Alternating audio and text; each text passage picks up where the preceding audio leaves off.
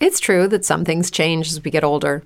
But if you're a woman over 40 and you're dealing with insomnia, brain fog, moodiness, and weight gain, you don't have to accept it as just another part of aging. And with MIDI Health, you can get help and stop pushing through it alone. The experts at MIDI understand that all these symptoms can be connected to the hormonal changes that happen around menopause, and MIDI can help you feel more like yourself again. Many healthcare providers aren't trained to treat or even recognize menopause symptoms. MIDI clinicians are menopause experts. They're dedicated to providing safe, effective, FDA approved solutions for dozens of hormonal symptoms, not just hot flashes. Most importantly, they're covered by insurance. 91% of MIDI patients get relief from symptoms within just two months. You deserve to feel great. Book your virtual visit today at joinmidi.com. That's joinmidi.com. If you're a woman over 40 dealing with hot flashes, insomnia, brain fog, moodiness, or weight gain, you don't have to accept it as just another part of aging. The experts at MIDI Health know all these symptoms can be connected to the hormonal changes of menopause, and MIDI can help with safe, effective, FDA approved solutions covered by insurance. 91% of MIDI patients get relief from symptoms within just two months. Book your virtual visit today at joinmidi.com.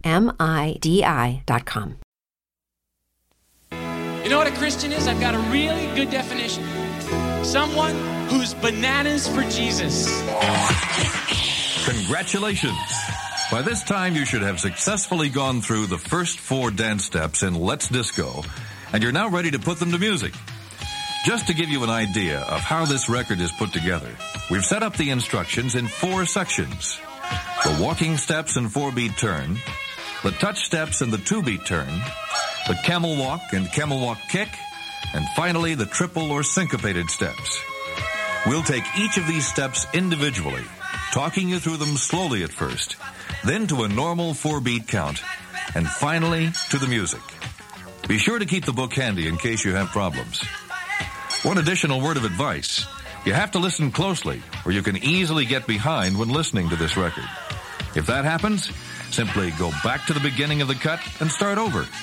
With some patience and a little practice, we'll soon have you disco dancing with the best. So let's listen to the music, relax, and have fun. Good luck. Look, look. She's 14 years old. For y'all Tell that me, don't she's know, 14 I years didn't pimp old. from my rock. I ran East Pakistan, and I'm a pimp, and I don't buy no land. You understand me? I'm sorry, but I shall have to lift your penis now to grease round it. This is a giant cock. Have I seen you before? Oh, yeah. Many times. Many times? Many times. Uh, I don't recognize the voice. Uh, okay, is this Marianne? Oh, Uh, have I had fun with you within the past two months? yes. Okay, that cuts it down to a thousand. Are you Michelle? No, Are you Katie? no. Uh, uh, are you Annette? Yes. Ah. During the strip search, they found this gram of tar in my cooch. You like tar? On the run from Johnny Law. It ain't no trip to Cleveland.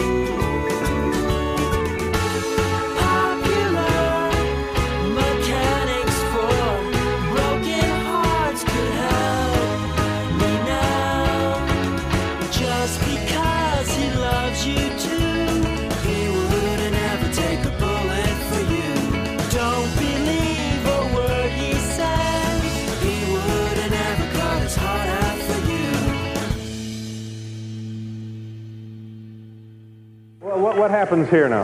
This is it. Okay, this is it. Thank you for joining me for the sixth episode of Doing It with Mike Sacks. We have a great show this week. I interview the comedy writer Dan Powell of The Colbert Report, Daily Show, Robert Smigel's Funhouse, and Inside Amy Schumer, among other shows. You might have heard of a few of those. Not a bad resume. But first, I received a letter this week from a Jessica Vance in Los Angeles, California. And she writes Dearest Michael, why don't you ever tell jokes? You know, like real jokes. Love, Jessica Vance, Los Angeles, California. Well, that's a good question, Jessica, and I appreciate you including the five crisp $1 bills as an incentive for me to answer that question, so I thank you for that. Okay, I love jokes. I love song parodies and puns and jokes, traditional jokes. Now, I'm not going to sing for you today or tell you a pun, but I will tell you three jokes, the only three jokes that I know from heart, from memory. So here we go. Joke number one Two women are playing golf. The first woman tees off and watches in horror as her ball heads directly at a foursome of men playing the next hole.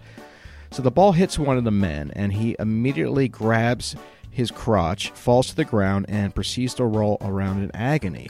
Now, the woman who hit the ball rushes to the man and she begins to apologize. She says, Please allow me to help, right? I'm a physical therapist, and I just know that I can relieve your pain if you allow me.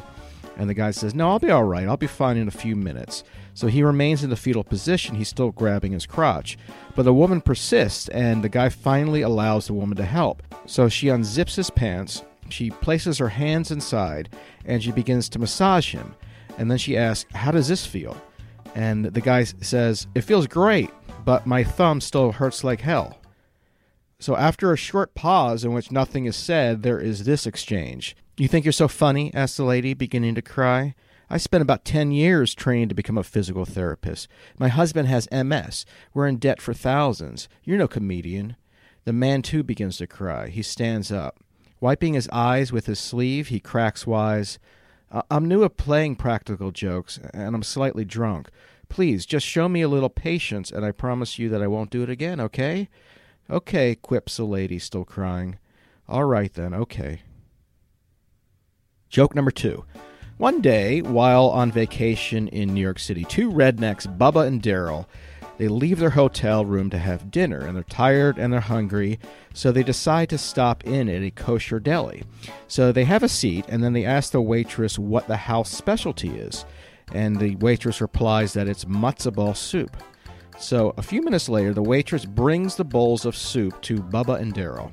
Now, they've never seen anything quite like this, but being hungry, they quickly eat the soup. And after they finish, the waitress arrives back, and she said, How do you like your soup? And Bubba zings, Mmm, that was good. But tell me, do you Jewish folks eat other parts of the matzah or just the balls? There is no laughter, just silence, which is broken only by the sound of the waitress grinding her dentures. Are they making fun of me, she thinks, or are they just being cute? She's quite frankly not sure.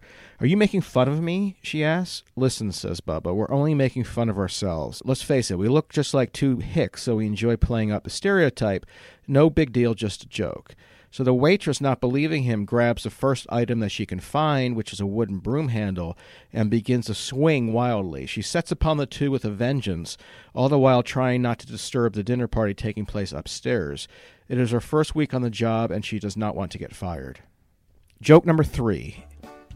So a boy is walking down the street, and he notices his grandfather sitting in his rocking chair on the front porch of the house, wearing nothing from the waist down. And the boy asks, Grandpa, what are you doing? And the old man looks off in the distance and he doesn't answer. And the boy asks again, Grandpa, what are you doing sitting out here with nothing on below the waist? And without missing a beat, the old man retorts, Well, last week I sat out here with no shirt on and I got a stiff neck, so uh, this is your grandma's idea. So the air is still at this point, and in the distance, a car horn can be heard. The boy doesn't say anything, doesn't say a word. He just stares at his grandpop's aged, horrifyingly white penis, and after a few moments, the boy takes a bite out of his peanut butter sandwich, waves goodbye, and leaves for his friend Jeffrey's house.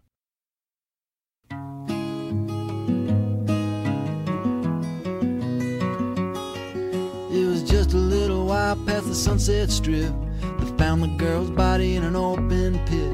Her mouth was sewn shut, but her eyes were still wide, gazing through the fog to the other side. Me on a whim and threw me deep in jail with no bail, sitting silent on a rusty pail, just gazing at the marks on the opposite wall, remembering the music of my lover's call. Yeah.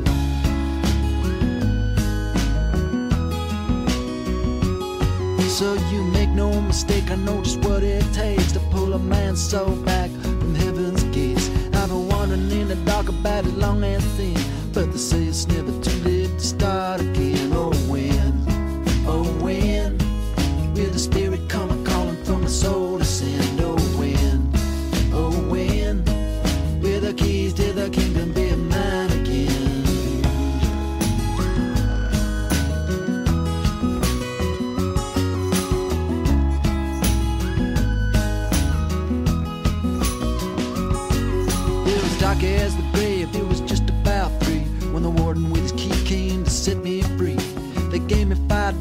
And a second-hand suit,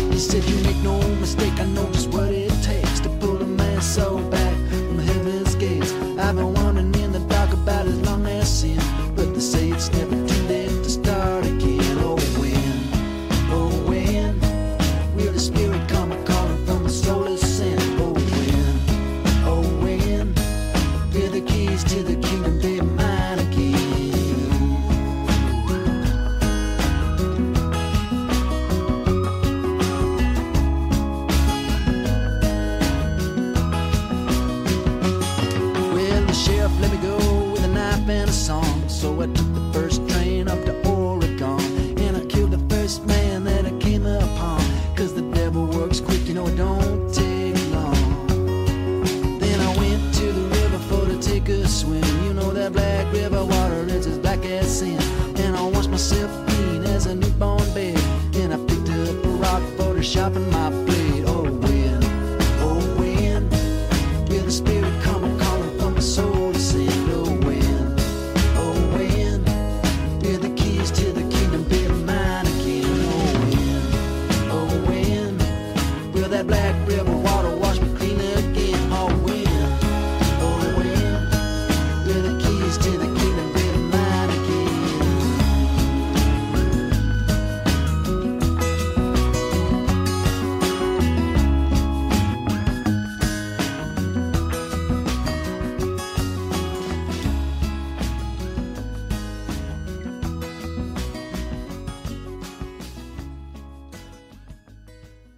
Dan Powell is one of those comedy writers who No matter what he touches seems to turn into comedy gold. He's worked as an episode producer and writer on the very funny animated series Ugly Americans, which was on Comedy Central for two years.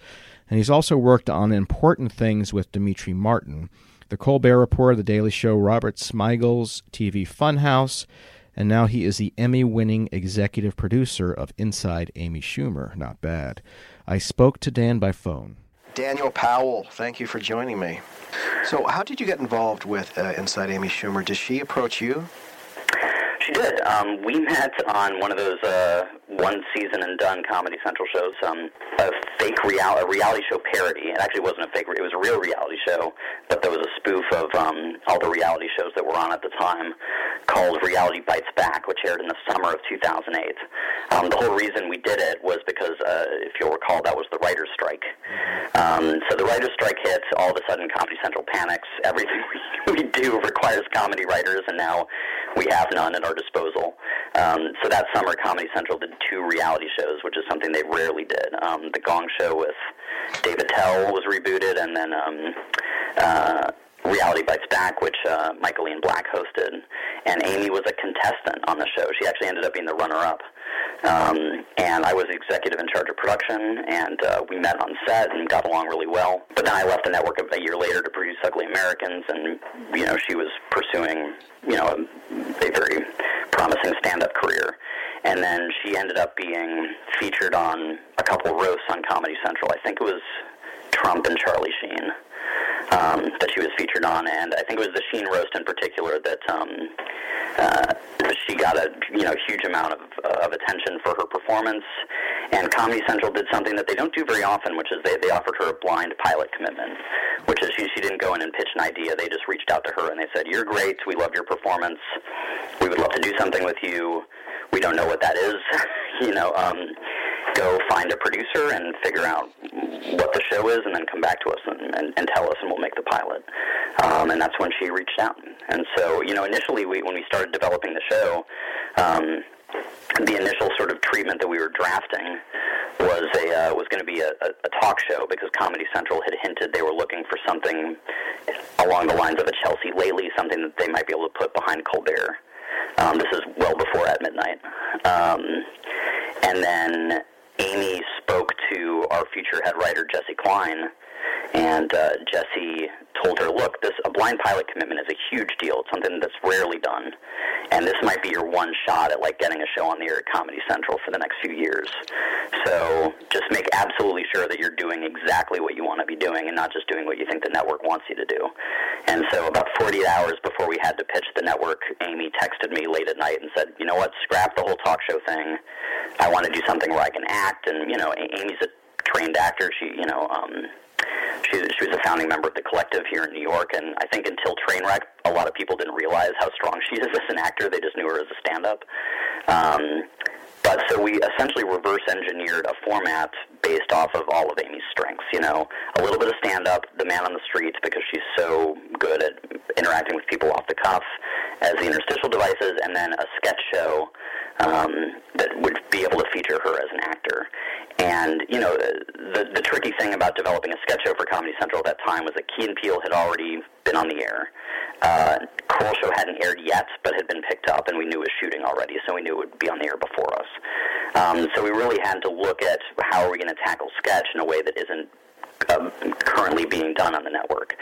So that that is the reason that Amy on Inside Amy Schumer pretty much always plays Amy. You know, some version of whether it's the sort of monstrous version of you know her her stage persona or the victim version of her stage persona. She's always playing a, a sort of version of her stage persona as opposed to doing a kind of character driven thing the way Nick Kroll did. Um, and you know, and, and we also focused very specifically on like relationships and gender politics because we knew that Key and Peele was going to be focusing on like racial dynamics, and we, we couldn't really compete with them on on that turf. So um, that was kind of that's the kind of history of the development of the show. So how does how, do, how does one then go from the point of okay, we're going to make this show to then producing a show of such quality and such um, of such interesting type of, of, of a sensibility that it becomes a major thing. I mean, how, how do you make that leap? Um, you know, look, it, it, I, I will say the, the pilot that we did was fine. It was solid. It was solid enough to get us picked up, but it was by no means like, you know, Comedy Central waited. It wasn't a, it wasn't a slam dunk. Um, and and even our first season, I go back and look at it now, and I can see like, all right, you know, we only did four sketches per episode instead of five, so they were a little bit longer, a little bit slower. Um, I go back and look at the first season. I feel like you know, we looked at it and we feel like, you know, this isn't pacing as quickly as we think it should. And so that's when we decided to um, add a fifth sketch in season two, and specifically a fifth sketch that would be like a cold open, you know, around two minutes, because we, we saw that some of the shorter sketches we were doing tended tended to get more attention than some of the longer ones. Um, so it was like, all right, look, if, if we add a, an additional like two two and a half minute sketch, then a it's one more sketch that we're adding and shorter and faster pace, but also then we can trim an additional 30 seconds out of the remaining four and just pace the whole thing up in general. So I think that that change to the format from season one to season two um, helped the pacing of the show and, and overall helped tighten all the sketches up, and I think that helped the quality. Um, part of it was just sort of learning what people were responding to, you know, in season one. I, I think the sketch that really resonated in season one was a sketch called Compliments. Um, I'm not sure if you're familiar with it, but it, uh, um, that was the one in season one that really got the most um, discussion and, and was written about the most. And so it, it felt like, oh, okay, there's room on Comedy Central of all places to have a show that talks about, you know, um, issues that you know are sort of specifically unique to women, um, which in general at Comedy Central had been like a huge no-no. It's like, all right, you're a woman on Comedy Central, but you got to be one of the guys. You know what I mean? Like, you, you, our audience is, you know, predominantly sort of young frat boy types, and so uh, there was always this fear of like doing stuff that's you know quote unquote too female. You know, that's the thing that CBS, uh, CBS just got in trouble for. I mean, isn't it Um, crazy in retrospect that they would, would that they would think that? It's so funny because that CBS thing, which I was very critical about um, on social media, is is something that was just casually bandied about Comedy Central um, for years. And oh, it's too female. Our audience is male. This is too female. You know, I, I am I am certain that I passed on shows uh, and used the phrase too female, which I now am like completely aghast about. You know, it, it's not acceptable, and, and also it just doesn't. It it was wrong. It was completely wrong. Um, Sarah Silverman proved it wrong. Amy proved it wrong. And now now look at the network, and it's it's Amy and Broad City and Nikki, and you know, and um, it was just utterly it was not based in any fact whatsoever. You know funny is funny. And stuff that's funny and has something to say is going to find an audience um, regardless. And so this this idea that like oh there's like the, the estrogen testosterone balance is you know is not is not where we need it to be to have a successful comedy show for a for a, an audience that is you know 60% male was just absolutely ridiculous. But that that was the that was the sort of um conventional wisdom back then. Well, it really was. In some, in some areas, I know Paul Feig is going through this now with the trailer for the new Ghostbusters. All of the middle-aged male comedy geeks are coming out of the woodwork complaining. I mean, really complaining about the fact that it's now female-driven. It's such a bummer. I mean, you know, when I hear if I, if I ever hear the phrase like like are women funnier or you know, it's just I treat it with the same um, attitude that I treat like flat Earth. you know what I mean? Like flat Earth stuff. It's just it, it doesn't have any basis in reality. And frankly, like as far as the the viability, um, you know, as far as the sort of mm, you know uh, viability financially, you know, what's the financial potential of of movies that are driven by women? I mean, the market has already clearly spoken. Look at Bridesmaids. Look at Trainwreck. Look at Spy. Like it, it's it's clear. It couldn't be more mathematically clear. You know what I mean? Um, so it's absolutely insane.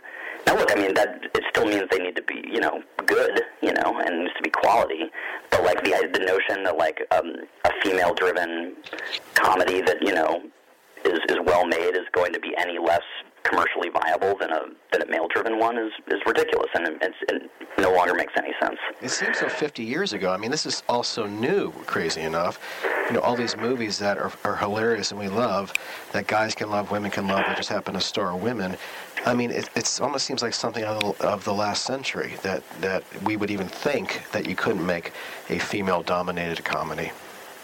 And just, I guess, like, you know, so-called conventional wisdom is just sort of like hard to change overnight. And, you know, this is an industry that's sort of based on acting out of fear. You know what I mean? Um, it's it's been written about many times. I'm not the first person to make this point, but you know, uh, executives green light projects or don't green light projects um, based almost entirely out of fear of like if this decision is wrong, I'm going to lose my job, I'm going to lose my reputation, and so um, there's just uh, most of these. This, you know, it's very hard to change a conventional wisdom wisdom that is essentially sort of based in cowardice. You know what I mean? Well, true, but I mean, even thinking about the greatest SNL performers of the last 20 years and the greatest sketches, to me, the majority have been female, the greatest performances. So even just looking at that, one would think that, like, oh my goodness, why not get a great female lead for, for a sketch and make it, um, you know, female driven rather than uh, teenager or early 20 something male driven? No, no, I, I hear you. I mean, but you know, even look at. I'm going to get in trouble for saying this, but uh, I mean, look at uh, up until recently, uh, even in the even in the 90s and maybe even the early 2000s, up until I think like Tina Fey's rise at the show, you will look at a lot of the female performers at SNL past talking about yeah. that it was not a great environment for women. You know, not only that, um, toxic environment. Yeah, I mean, Janeane, you know, has talked about it. You know, um, Victoria Jackson, Nora Dunn, like a lot of these women have talked about how it was not so great. And I even even even beyond that time period, uh, I, I'm not going to name names, but there are. You know, there are plenty of women who I think would speak out that, you know, sometimes not the best environment for women over there. Um, but, uh, which is a bummer because, you know, you look at, well, yeah, like you said, the quarterbacks of the show for the last um, 10 years or so have been Kate McKinnon, Kristen Wiig. Yeah, just and great. Uh, it couldn't be more clear who's driving the show. So with with um, your show inside Amy Schumer, what does it take to produce? Like I've never seen anything like a 12 Angry Men uh, sketch that you guys did. I mean, this is different than Mr. Show. This is different than Monty Python, SNL. It was almost like a mini movie that you would that you would show. How much effort, writing wise, and then directing wise, producing wise, goes into a sketch of that um, length and that complexity? Um, you know, it was worked on uh, a lot. I mean, Amy had um, the idea for the sketch very early in the season, and then, pardon me, it um, it uh, transitioned to uh, the idea that it was going to, you know, let's take this from being a sketch to maybe like a full episode came from Amy, you know, a kind of a couple weeks into the season. And it was one of these things where Jessi and I were like, yeah, look, let's give it a shot. Let's at least try to write it as one and see where the writing process takes us, you know. Um, and so Amy tackled you know the first number of drafts. And, and so you know look this was very much amy's it was amy's idea it was amy's baby you know and you know very personal to her for obvious reasons. Um and you know I have to give credit to Kevin Kane, who I think uh, is a supervising producer on her show, who I think planted the initial seed of let's make this a whole episode. Um, so you know Amy tackled the first handful of drafts, and then a lot of of what you see in that episode was already there. Um, what kind of lacked was you know that sort of three act structure that we needed to to put it on TV. You know, you know, cliffhangers at the commercial breaks, and really making sure that all of the content was in the right order and that it was heightening properly. So Jessi Klein, uh, our head writer, took a quick pass at it, and then it came to the room. Um, and so we looked at the sketch, and then we started breaking it down scene by scene. Uh, you know, put it up, put all the scenes up on index cards on the board, changed some of the order. You know, made some adjustments to make sure that we were accounting for the act breaks. Um, and then, you know, the casting process honestly was like a lot of it was just done by Amy on Twitter, you know, her reaching out directly to Jeff Goldblum and John Hawkes and Paul Giamatti, who'd been on the show a season before. Um, our casting director, Gayle Keller, threw um, Vincent into the mix. Um, we actually had been talking to Bobby Cannavale about playing um, the role that uh, Nick DiPaolo ended up playing, and it looked like he was going to do it, and then um, unfortunately he had a scheduling conflict and had to back out, and so we reached out to Nick. Who Nick Nick per- Nick uh, performed that role at the table read and did such a tremendous job that the second Bobby became unavailable, we just reached out to Nick right away and made him cancel a vacation so that he would he would come and do it. And he was incredible. I, I really, you know, Paul Giamatti got nominated for an Emmy for that episode, but I, I really felt like, um, I, I felt that Nick DiPaolo deserved the nod as much as as, as Paul. He, and Nick, who's known mainly as a stand-up, just delivered an incredible acting performance in in that. And um, Everyone, you know, Amy, pardon. everyone in that was just amazing. No, it was great. It was it was a real pleasure to watch that. You know, we should, we we shot that in two days um, at, at a soundstage in the middle of a blizzard, um, and uh, it's it was shot at Cinema World in Brooklyn. It's uh, I mean, it's sort of famously known for it used to be essentially like a porn studio in the '70s, and uh, and then it, became, it was where they shot a lot of the early MTV music videos. Um, basically, what it is now is it's the it's the cheapest stage that we can um, afford and still uh, qualify for the New York City tax breaks. that is why we shoot there. And um, it's so weird because you know you've got the main soundstage, but then all of the dressing rooms still look like, frankly, like 70s era porn sets or MTV music video sets. Like there's like a submarine themed dressing room and a jungle themed room, and it's so and it's they're not well designed. It's not like you know it, it's it, they're crumbling. You know these were it's a 30 year old high school play submarine set that's crumbling and it's just it's really kind of gross and weird and and so that first day when you know the blizzard hit everyone you know we had to get started a couple hours late because it took people forever to get there and we did a full read through because this was the first time all the actors were assembled. We did a full read through in a room upstage that's designed to look like a jungle.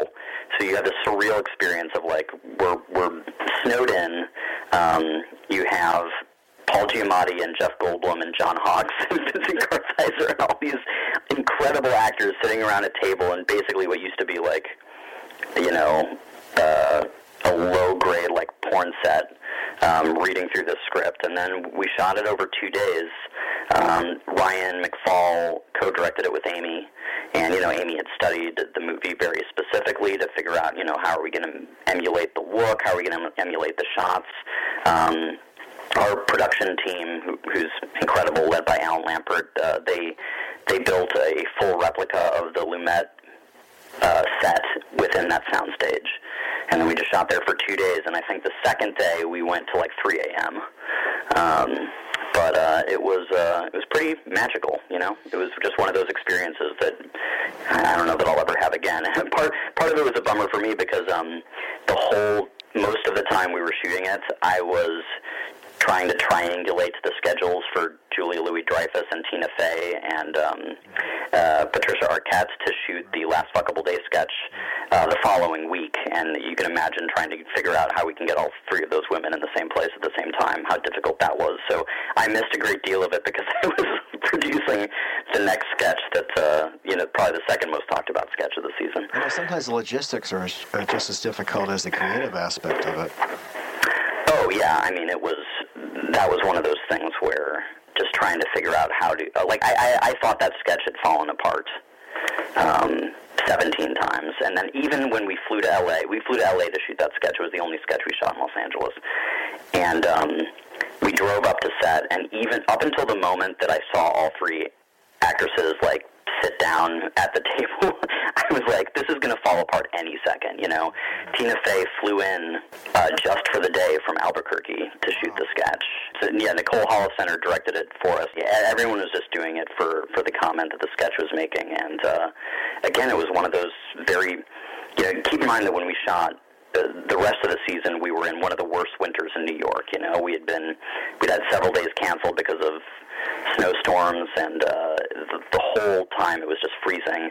And then we fly to LA, and all of a sudden we're in this valley in Santa Clarita, and it's like beautiful. It's 80 degrees out. you know, the birds are chirping. They're like butterflies flying around, and then you know, four of the best comedic actresses of our time. You know, Patricia Arquette had just won an Academy Award the week earlier. Um, are suddenly sitting at a table, and Nicole Holofcener is directing them, and Jessi and I were watching from Video Village, just like, what is happening? what is this season? Well, the um, idea was surreal, and then the setting itself was surreal, so it has a really hallucinatory look and feel to it.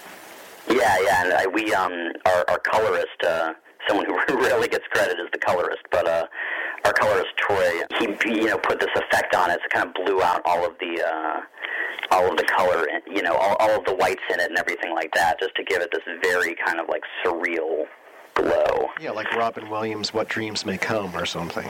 That's a really that's a great reference. Let's jump back a bit. How did you become an executive at Comedy Central? Was it your?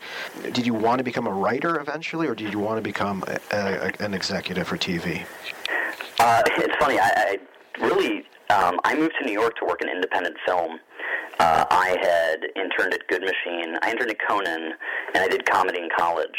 Um, but I interned at a Good Machine, which later became Focus, uh, which was a cool indie film company to intern for because it was um, it was the home of like Ang Lee and Todd Solondz and Todd Haynes and uh, Ed Burns.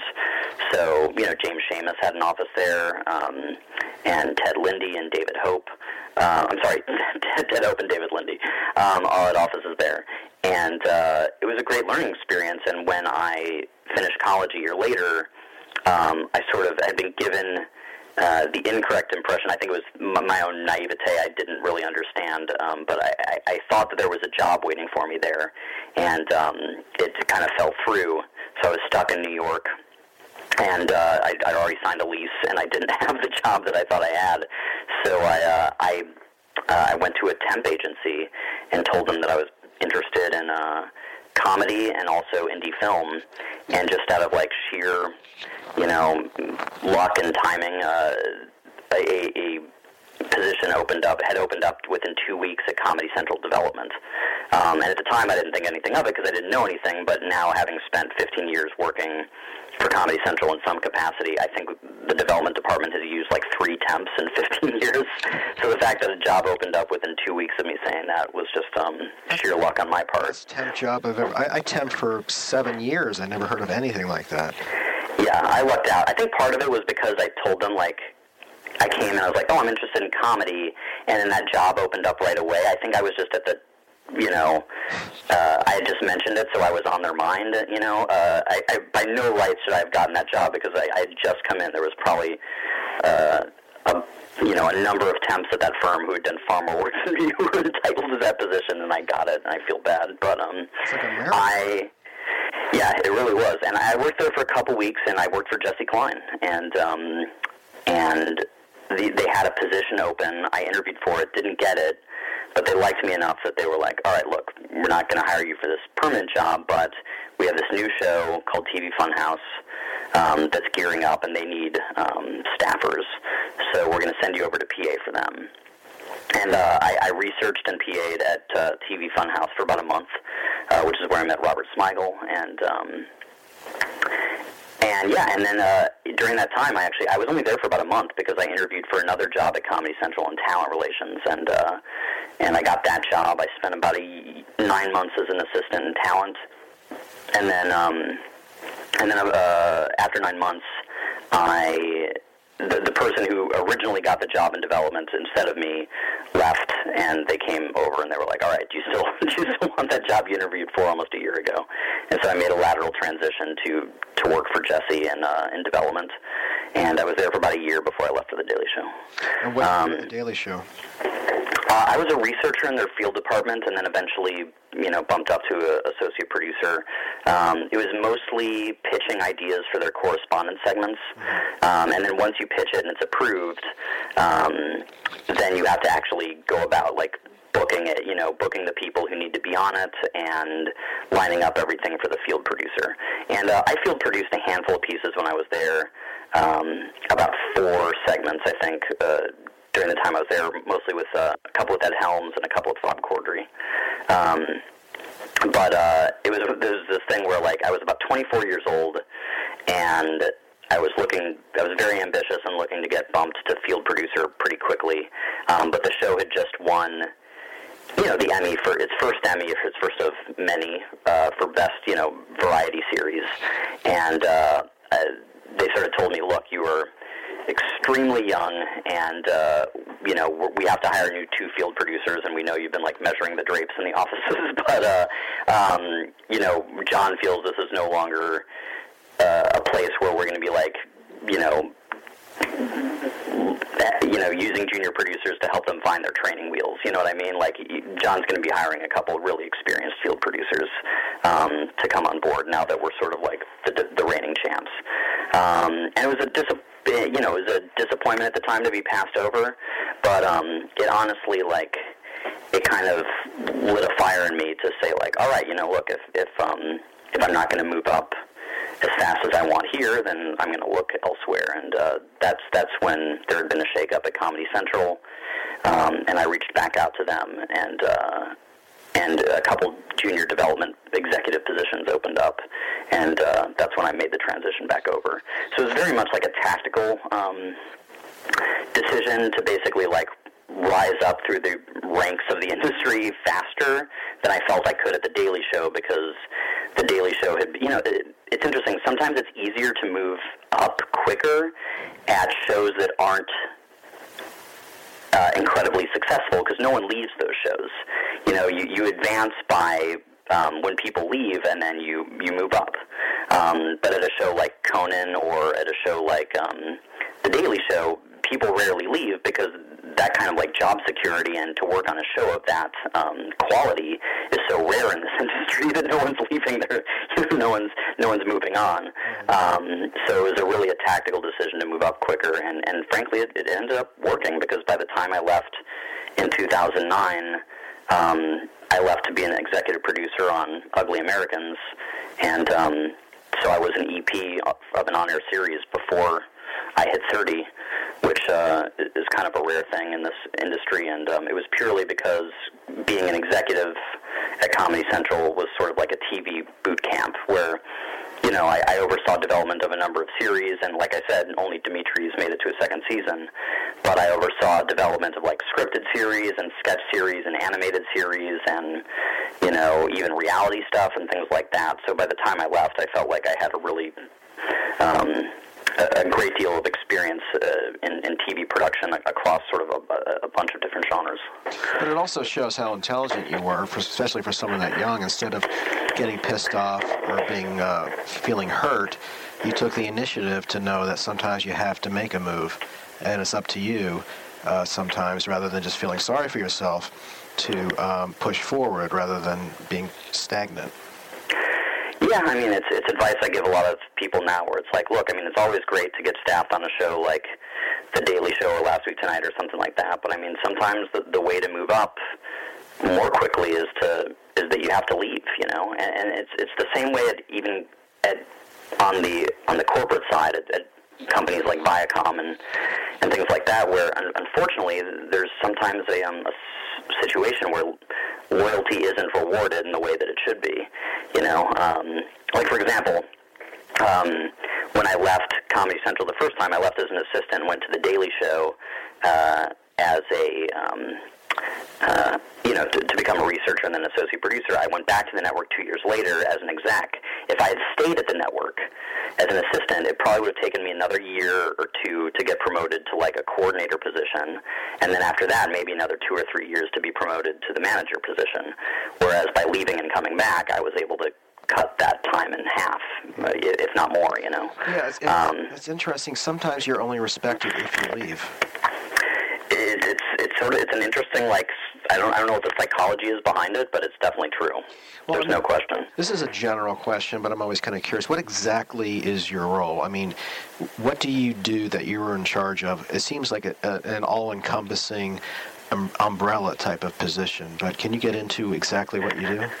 Yeah, and it also depends project to project. Like um, on Ugly Americans, I was, you know, I wrote five of 31 episodes, and um, you know, on on this new project with Devin, I'll, I'll co-write the pilot, and um, you know, on Inside Amy Schumer, I'm I'm a credited writer, but I don't have the same um, sort of impact on the overall writing as, say, like Amy or Jessi Klein or some of our other, our other um, more senior writers like Christine Nangle or Tami Sagher. Um, I would say my job on Inside Amy Schumer is more of like operational showrunner and project manager, which is just you know overseeing the entire project from start to finish and making sure that you know uh, all the money is spent in a way that uh, Amy's vision is you know is best represented on screen, that we can get the most out of our money, and that and that frankly all all the departments are communicating with each other to make sure that. Um, everything gets done, everything gets cleared, and uh, we get these episodes on air. It's essentially a huge project management job, you know, and then there's a lot of creative involvement because um, I'm in all the edits and everything like that. But ultimately, you know, it's inside Amy Schumer. It's it's Amy's voice, and it's she is the creative showrunner of the show without question. Um, and it's more of like an operational show running job. Whereas on other shows, it's more of a, you know, I still have all of those duties, but uh, you know, I'm a little bit more involved in the um, directly in the creative. You know, if it's a show that I create, you know, that I where I wrote the pilot or something like that. Right. So I'm sure you get asked this often. You um, you're in a position of some power now. You have a great resume. If a young writer comes up to you, someone who wants to write comedy for TV, what do you tell them to do? And just as importantly, what do you tell them not to do? Um, well, the first thing I would say is you probably should move to Los Angeles. um, I've made a good go of it here in New York, but New York is definitely, you know, a satellite industry, or, you know, a satellite of the entertainment industry. There's just not as much out here. There's a lot of production thanks to the tax breaks, but um, even a lot of the shows that are shot in New York are written in Los Angeles, including Girls, you know, believe it or not. Um, you know, look, if the math is just better in LA, you can certainly make it work out here in New York. Um, but whether you're in New York or Los Angeles, if you want to be a comedy writer, I would say the first place to start is to enroll in classes at one of the comedy theaters. Um, UCB New York, UCB LA, um, Improv Olympic, Groundlings, um, the Pit, um, because you know the comedy as I'm sure you know from your books and all, every, everything that you've written, uh, the comedy community is a community. You know, um, it's nearly impossible to become a successful comedy writer by writing sketches by yourself in an office and then sending them to agent. You know, sending them out to agents. It, the idea that that's going to be what gets you your first staffing job is, is nearly impossible. You know, you're, you're through recommendations, your staff through junior agents, um, seeing your material on YouTube now, you know, and, and, and reaching out to you and, and figuring out what your story is. So, yeah, that's the recommendation. I mean, the recommendation is enrolling in classes, and not just for learning the craft, which is very important, you know, because comedy writing is a very specific skill set, and like anything else, it needs to be learned and honed and figured out. But um, it's also about meeting like-minded people that you're going to come up with. You know, um, if a 20, you know, 23-year-old writer meets me, uh, there's very little I can do for them because I already have a whole network of people that I work with and and everything like that. But what they need to do is meet other 23 year olds, you know, at the UCB or whatever, and start a sketch group and start, you know, calling in favors and shooting sketches and cultivating, you know, a, a YouTube channel and things like that. And then they'll get better and better at it. And then eventually, you know, a junior agent at UTA or CAA or whatever is going to stumble onto a sketch of theirs that goes viral and uh, or gets attention, and they're going to bring them in for a meeting, and and and that's really how people start to get noticed and, and start to get jobs in this industry. Or conversely, you know, you, you, you're in a sketch group with someone who gets cast on SNL or another sketch show, and when a writing position opens up, they say, "Hey, who who do you know that's a good young writer?" And it's you know you know that person that you came you know that was in your sketch group at at the pit or whatever, and uh, that's how you get the job. So that really is you know the recommendation I have for most graduates. It's it's um you know you know walk directly to the nearest comedy theater in your neighborhood and, and sign up, and uh, just work with you know collaborate with as many people as possible, and, and really start honing your craft. I think that's terrific advice. You have to open yourself up creatively, and even from a human standpoint, you need to meet as many people as possible, not just for networking, but it's just the healthy thing to do. And I think your comedy will also improve if you go through experiences with other people who, like you say, will be the ones who will, will eventually hire you. Yeah, absolutely. I mean, you know, this this whole whether it's TV or film or you know, this is a collaborative art form. Um, I mean, stand up is a totally different thing. I mean, you know, that's not the world that I come from. But um, you know, TV writing, TV producing, it's all a collaboration. And so what you really need to do is just build a, a network of people that uh, have the same sensibility as you, that you respect, you know. Um, you know, I, I when, when I was in college, it was the attitude was like, oh, I can just do it all myself, you know. And it, it, the, the best thing I've learned as a producer is knowing what your limitations are and saying like, all right, you know, if um, I have a good script here, but I'm not the world's greatest joke writer, but you know, I know, you know, dozens of writers who are um, savants at writing jokes, so I'm going to send this over to them to do a punch-up pass, and that's what's going to make this thing better. Um, you really have to let go of your ego and recognize like what your strengths and weaknesses are, and then you you bolster your weaknesses by bringing in people that um, that compensate for those. You know. That's right. It can only you can only be improved if you open it up, and ideas will will spark off it that you never would have thought of otherwise.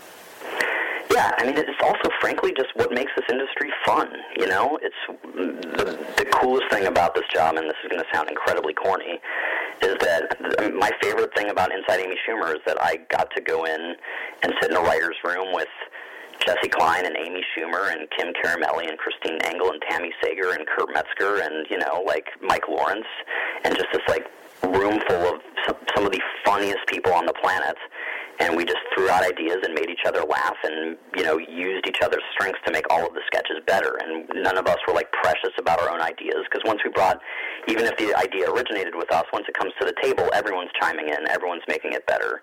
It's a huge collaboration. We never made it jessi and i were and amy and i were very specific about this is not going to be a competitive environment this is going to be a collaborative environment.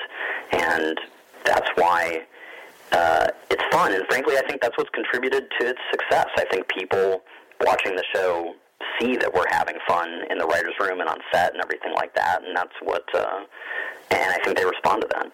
Yeah, I think so too. I think a lot of writers, and I was like this myself, felt that my ideas would be stolen. But no one cares. No one's going to steal your ideas, and it's a very unhealthy place to be when you when you shut yourself off from the world, especially when you need to be connected, which is really what comedy is all about. You need to have some sort of tethered aspect or relationship to the rest of the world.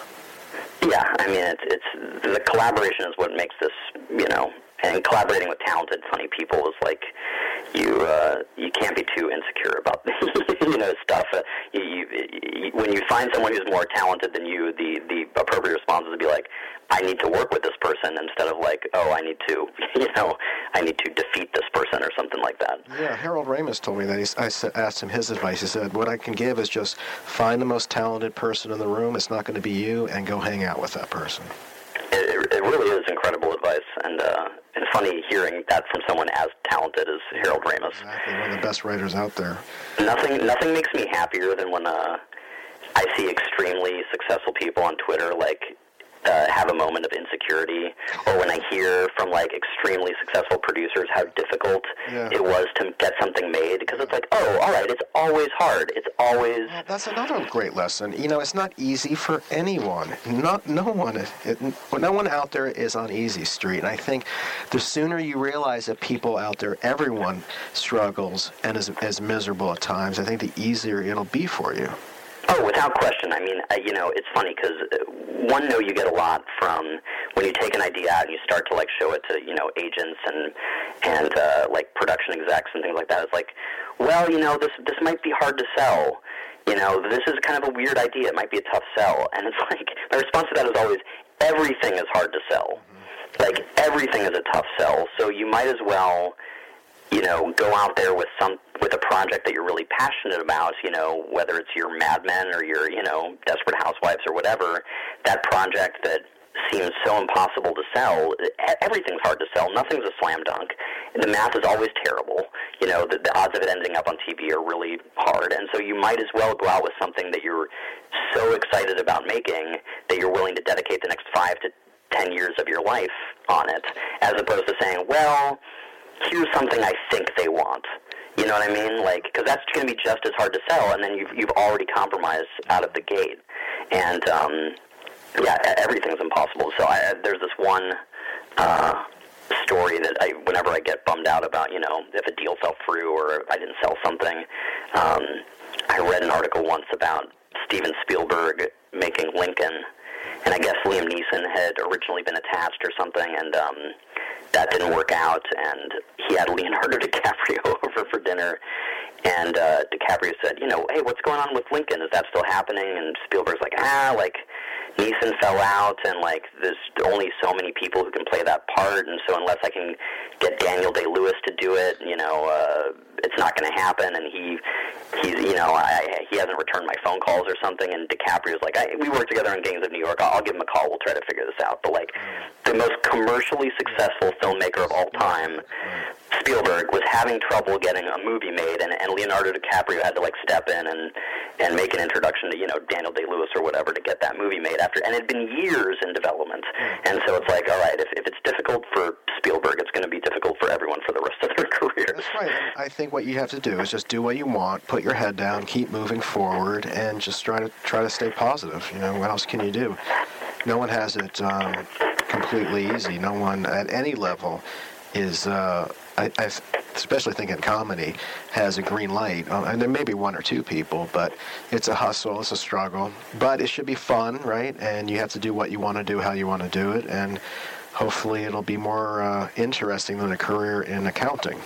No, yeah, I mean that's exactly it. I mean, I'm. It's funny, like everyone's like, oh, you know, you've Schumer, you have this hit show and the awards and everything. It must be so great. Now you can like take a breath and relax. You've like made it, and it's like I'm working harder now than I've ever worked because uh, the show has had this great run, but it's also opened up these doors where it's like if I don't capitalize on them now, you know, then you know I have to capitalize on them now before they go away. You know, like, and then if they go away, I'm going to have to work even harder. So there's no point in this industry at, at which you can take a step back and be like, oh, okay, now I've made, now I don't have to work hard anymore. It's it's it's a constant hustle, and um, also, you know, like, look, I only have, you know, what another like thirty so years or something like that, and there's so many different projects I want to do and things I want to say, and so you just have to be constantly, constantly working on improving your craft and and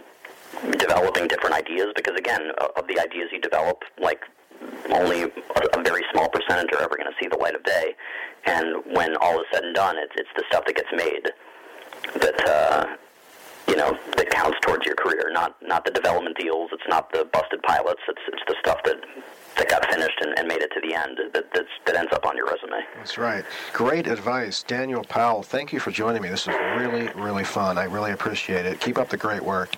Oh it was a pleasure man thank you so much All right, take care.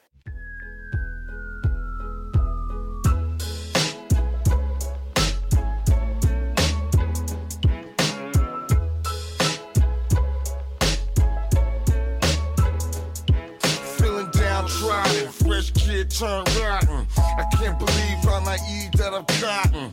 Over the years, seems like I'm getting dumber. Reminiscent to a time when I was younger with a hunger. Full of dreams, determination, self-esteem. But now it seems they hesitate to be on my team. You know the routine. When you win and they grinning, all up in your face like they was with you from the beginning. But on the flip side, when you watch the black or riptide, fools clown by you slipped and let shit slide. Beside the fact, my voice is whack. Clowns is running around, talking about a smoke crack. Ain't got no homies that got my back. Yeah, I'm a brother, but sometimes I don't feel black. My girl is white, my game ain't tight. Niggas who ain't seen me in a while be like, dude, you alright? Who am I kidding? Who am I fooling? When they be like, What's up, fat lip? And I say, coolin'. Who am I kidding? Who am I fooling? When they be like, What's up, fat lip? And I say, coolin'. Who am I kidding? Who am I fooling? When they be like, What's up, fat lip? And I say, coolin'. Who am I kidding? Who am I fooling? When they be like,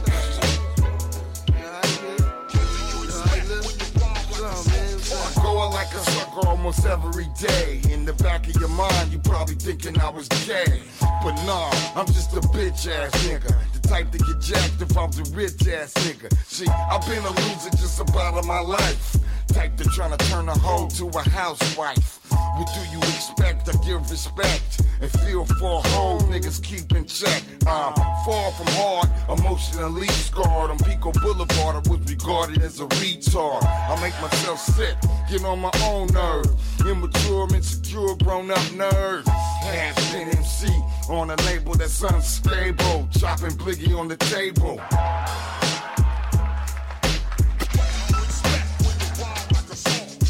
Who am I kidding? Who am I fooling? When they be like, What's up, fat lip? And I said, Coolin'.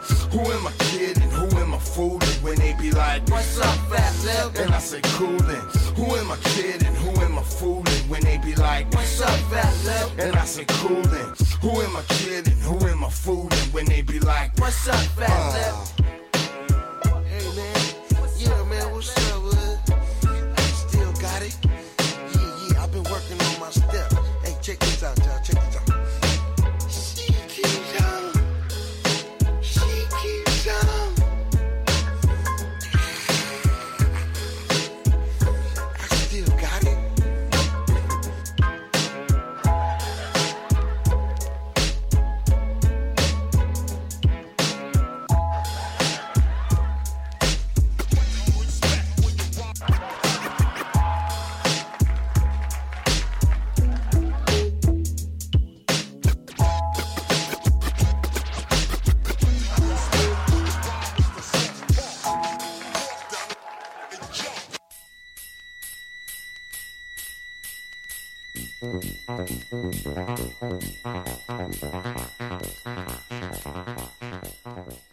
Okay, that's it for the 424th episode of Doing It with Mike Sacks. Here are some highlights from the upcoming podcast.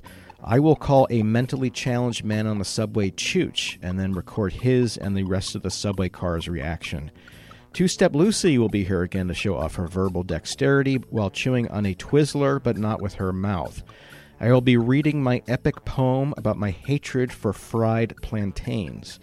The long awaited results of all of my STD tests will finally be released as sung by the cast of the Tony Award winning Hamilton. I will be sharing my recipe for my infamous eight layer rainbow matzo balls that my Meemaw used to make for all of my gay friends.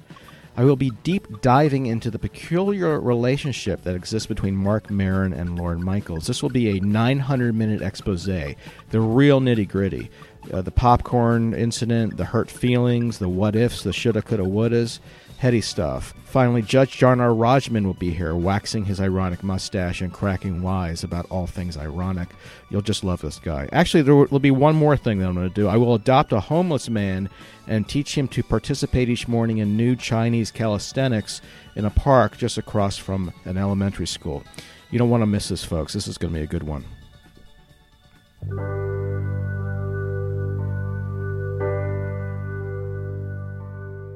I appreciate you joining us. I really do. I look forward to seeing you next week, especially you, that misunderstood shy one in the far back with her head in her notebook doodling.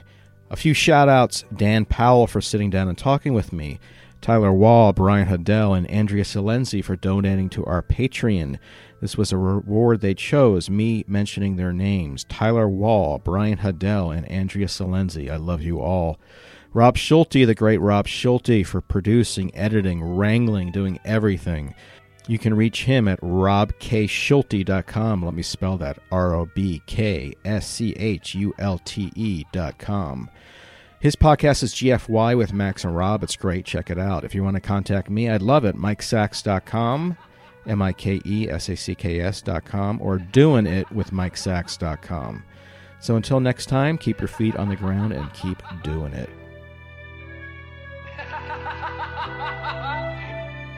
You know what a Christian is? I've got a really good definition. Someone who's bananas for Jesus. Hey guys, it is Ryan. I'm not sure if you know this about me, but I'm a bit of a fun fanatic when I can. I like to work, but I like fun too. It's a thing. And now the truth is out there. I can tell you about my favorite place to have fun Chumba Casino. They have hundreds of social casino style games to choose from, with new games released each week. You can play for free anytime, anywhere and each day brings a new chance to collect daily bonuses. So join me in the fun. Sign up now at ChumbaCasino.com. No purchase necessary. VGW. Void were prohibited by law. See terms and conditions. 18 plus. It is Ryan here, and I have a question for you. What do you do when you win? Like, are you a fist pumper? A woohooer, a hand clapper, a high fiver. I kind of like the high five, but if you want to hone in on those winning moves, check out Chumba Casino. At ChumbaCasino.com, choose from hundreds of social casino style games for your chance to redeem serious cash prizes. There are new game releases weekly, plus free daily bonuses. So don't wait. Start having the most fun ever at ChumbaCasino.com. No purchase necessary. VGW. Void were prohibited by law. See terms and conditions. 18 plus.